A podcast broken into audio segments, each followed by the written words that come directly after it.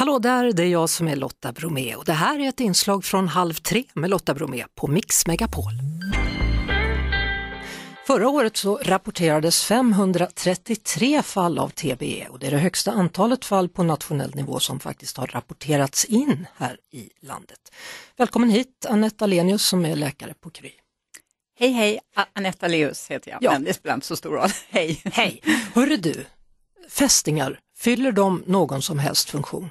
Om du frågar mig så fyller de ingen som helst funktion. Det kanske är någon biolog som har någon annan åsikt, men jag tror faktiskt inte det. Vi behöver dem inte.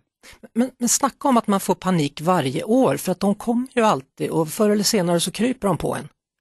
Så länge de kryper är det helt okej. Okay. Det är när de biter som det kan bli ett problem.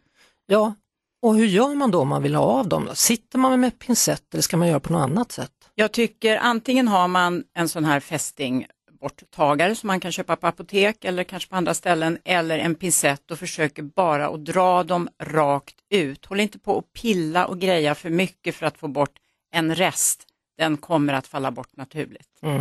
Eh, en del säger att man ska bränna dem också efteråt när man har fått bort dem. Nej, det tycker jag inte är nödvändigt. Men det kan man väl göra om man ogillar dem väldigt mycket. Ja, det var väldigt hörru. tråkigt. Det måste få vara fästing, det är ingen som gillar den. Nej, absolut ingen. Nej. Det här med TBE då, vad, vad får man för symptom? Ja, det är ju en virusinfektion som fästingen kan smitta det med och den kommer i så fall in det här viruset direkt när fästingen biter, inte som borrelia som kommer in efter ett tag och som är en bakterie. Och då kan det vara så att du egentligen inte får så mycket symptom alls, från att du får en lätt eh, febril infektion, kanske känner lite som influensa och så blir det inte mer. Men sen kan du må bra några dagar och sen kan du få jättesvår huvudvärk, högre feber, du kan också få koncentrationssvårigheter, du kan till och med bli så att man uppfattar att du har en stroke, så du kan bli riktigt allvarligt sjuk i en hjärnhinneinflammation helt enkelt. Så då undrar man, hur kan man skydda sig mot det här? Ja, det bästa sättet är ju förstås att vaccinera sig om man har passerat ettårsgränsen och att se till att man tar alla doser som man blir rekommenderad. Mm. Hur många är det man måste ta då? Det är, om du är under 50 så är det tre doser eh, under ett år kan man säga. Och är du över 50 så är det fyra doser. Och sen ska du fylla på efter tre år första gången oavsett vilken ålder du har. Och sen är det påfyllnadsdos vart femte år tills vidare. Det är det man säger. Kära någon, vilken inverkan fästingar har på vårt liv. Och ändå är de helt värdelösa. Ja, det är konstigt, jag förstår inte det heller, men så är det.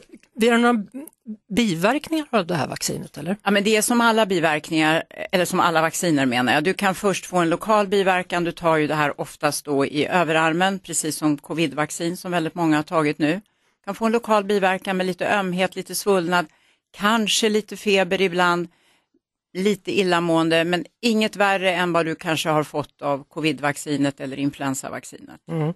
Man kan ju få borrelia också då av fästingar, är det lika farligt? Det kan vara farligt också. Det kan ju dels ge ett hudutslag som inte ser så märkvärdigt ut. Det kan du ju behandla med penicillin för det är ju en bakterie. Sen kan ju ibland borrelian också ge hjärnhinneinflammation och du kan få till exempel en ansiktsförlamning. Du kan få andra komplikationer på sikt men det mesta av det här går ändå att behandla. TB är ett virus, det går inte att behandla. Det låter allvarligt och det är allvarligt om man drabbas av det. Det kan vara allvarligt därför att om man drabbas så kan ungefär en tredjedel efter någon veckas sjukdom få kvarvarande symptom som kan vara ganska besvärliga med kognitiva funktioner och trötthet och sen kan man också få vissa förlamningar. Tack så mycket för att du kom hit Anette Alenus, läkare på Tack. Vi hörs såklart på Mix Megapol varje eftermiddag vid halv tre. Ett poddtips från Podplay. I fallen jag aldrig glömmer djupdyker Hasse Aro i arbetet bakom några av Sveriges mest uppseendeväckande brottsutredningar. Går vi in med hemlig telefonavlyssning och, och då upplever vi att vi får en total förändring av hans beteende. Vad är det som händer nu? Vem är det som läcker? Och så säger han att jag är kriminell, jag har varit kriminell i hela mitt liv men att mörda ett barn, där går min gräns. Nya säsongen av Fallen jag aldrig glömmer på Podplay.